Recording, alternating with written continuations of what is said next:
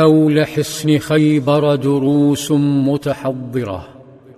غربت شمس اليوم الثاني دون فتح خيبر فشدة التحصين كانت حائلا دون الفتح.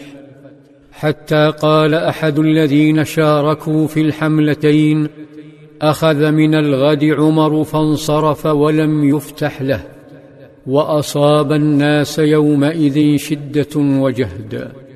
أقبل الجند على المعسكر وأقبل الليل والجوع فتش الصحابة عن طعام في مزاودهم فلم يجدوا سوى القليل الذي لا يكفي تلك البطون الخاوية فنهضوا يذرعون أرض خيبر يبحثون هنا وهناك وبعد البحث تلألأ المعسكر بنيران كثيرة. نظر القائد صلى الله عليه وسلم في أنحاء المعسكر ففوجئ باشتعال تلك النيران التي بثت الحراك في المعسكر الجائع. فعلى تلك النيران وعلى صخور الاثافي تغلي قدور ممتلئة باللحم. فاحت الرائحة فقال صلى الله عليه وسلم ما هذه النيران على أي شيء توقدون؟ قالوا على لحم. فقال صلى الله عليه وسلم على أي لحم؟ قالوا على لحم حمر إنسية. عندها قال صلى الله عليه وسلم أهريقوها واكسروها. قال رجل يا رسول الله أو نهريقها ونغسلها؟ قال صلى الله عليه وسلم أو ذاك. ثم قدم صلى الله عليه وسلم دروسا للعالم أجمع. يقول أحد الصحابة كانت حمرا خارجة من المدينة فنحرناها. فإن قدورنا لتغلي إذ نادى منادي رسول الله إن الله ورسوله ينهيانكم عن لحوم الحمر فإنها رجس.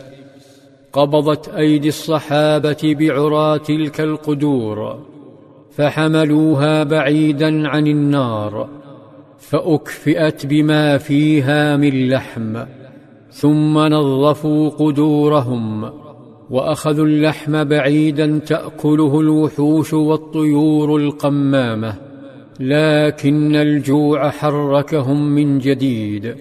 فوجدوا بعض الخيل والبغال الهائمة فنحروها وطبخوها فسألهم صلى الله عليه وسلم عنها فأخبروه.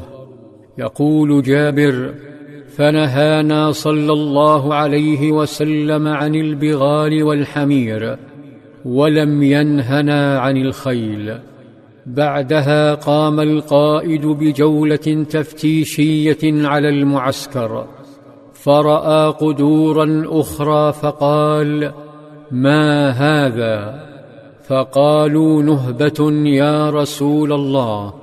قال اكفاوها فإن النهبة لا تحل. حول حصن يهود كان الإسلام يتهادى بتعاليمه نحو العالمية. لم يعد الإسلام مقتصرا على المهاجرين والأنصار ولا على المدينة فقط ولا على القرن الأول. إنه للدنيا بأسرها. لكل القرون وما دام الإسلام بهذا التوجه وما دام نبيه صلى الله عليه وسلم رحمة للعالمين فلا بد أن يقدم مشروعا يرتقي بالحاضر والمستقبل مهما بلغت البشرية من المدنية.